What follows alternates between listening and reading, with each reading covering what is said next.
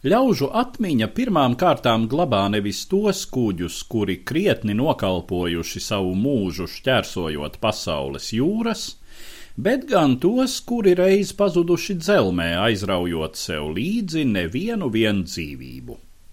Viens no slavenākajiem šai ziņā ir 17. gadsimta zviedru karakuģis Galeona Vāza.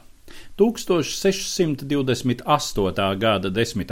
augustā šis kuģis tikko pametis doku Stokholmas fjordā un nozēģelējis vien pāris kilometrus, zaudēja līdzsvaru un nogrima. 17. gadsimta 20. gados Zviedrijā valdīja tās visu laiku diženākais monarhs - karalis Gustavs II Ādolfs.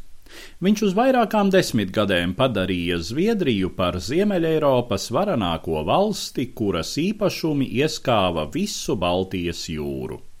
Zviedrijai bija vajadzīga spēcīga kara flote, kas nodrošinātu papildspēku un kara materiālu piegādi armijām, kuras cīnījās Polijas, Vācijas un Baltijas karalaukos. Galeona vāza tika iecerēta kā tobrīd spēcīgākais karakuģis Baltijas jūrā, bruņotā ar 48, 24 mārciņu lielgabaliem, izvietotiem divos klājos. Kuģa būvēšanu uzsāka 1625. gadā. Tiek lēsts, ka būvei bija jānocērt apmēram tūkstotis ozolu. Starp citu, daļa no kokmateriāliem, tāpat kā visi tauvām nepieciešamie kaņepāji, nāca no vidzemes. Tobrīd 17. gadsimta pirmajā pusē tāda izmēra kuģus kā vāza būvēja vēl samērā reti, un arī kuģu būves inženierija mūsdienu izpratnē vēl bija bērna autiņos. Būvētāji paļāvās ne tik daudz uz aprēķiniem, cik uz pieredzi un no paudzes paudzē nodotiem meistarības noslēpumiem. Savukārt jūras kara taktika piedzīvoja nozīmīgas pārmaiņas. Pagātnē palika laiks, kad galvenais uzbrukuma paņēmiens uz jūras bija abordāža, iebrukums pretinieka kuģī un tā ieņemšana. To nomainīja kuģu iznīcināšana ar artilērijas uguni. Karalis Gustavs Ādolfs, būdams liels artilērijas entuziasts, personīgi deva norādījumus kuģu būvētājiem, pavēlot abos kuģa klājos izvietot maksimālā kalibra lielgabalus. Dienā, kad Vaza devās savā pirmajā un vienīgajā kuģojumā, bija izcili labi laika apstākļi. Kuģis peldēja ar visām burām, lielgabalu lūkas abos klājos bija atvērtas, lai salutētu, pametot galvaspilsētu.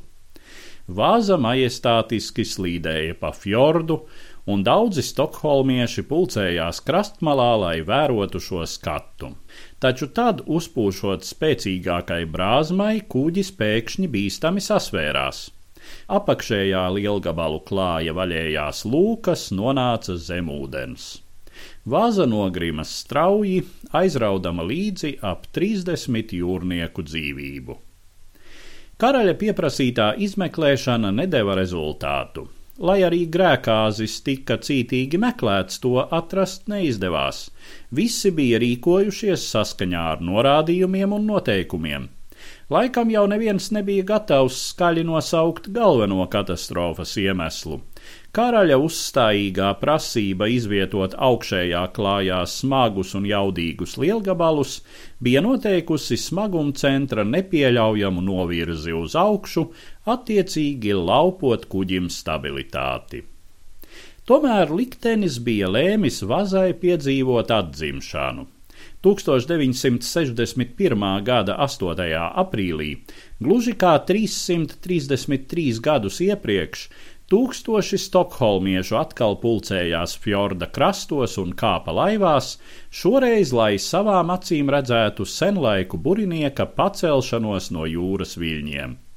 Baltijas jūras augstais un nesāļais ūdens lieliski iekonservē koku un citus organiskus materiālus. Pateicoties tam, restaurētā galeona vaza tagad aplūkojama visā savā diženumā un kļuvusi par vienu no spilgtākajiem turisma objektiem nevien Zviedrijā, bet visā Eiropā, stāstīja Eduards Liniņš.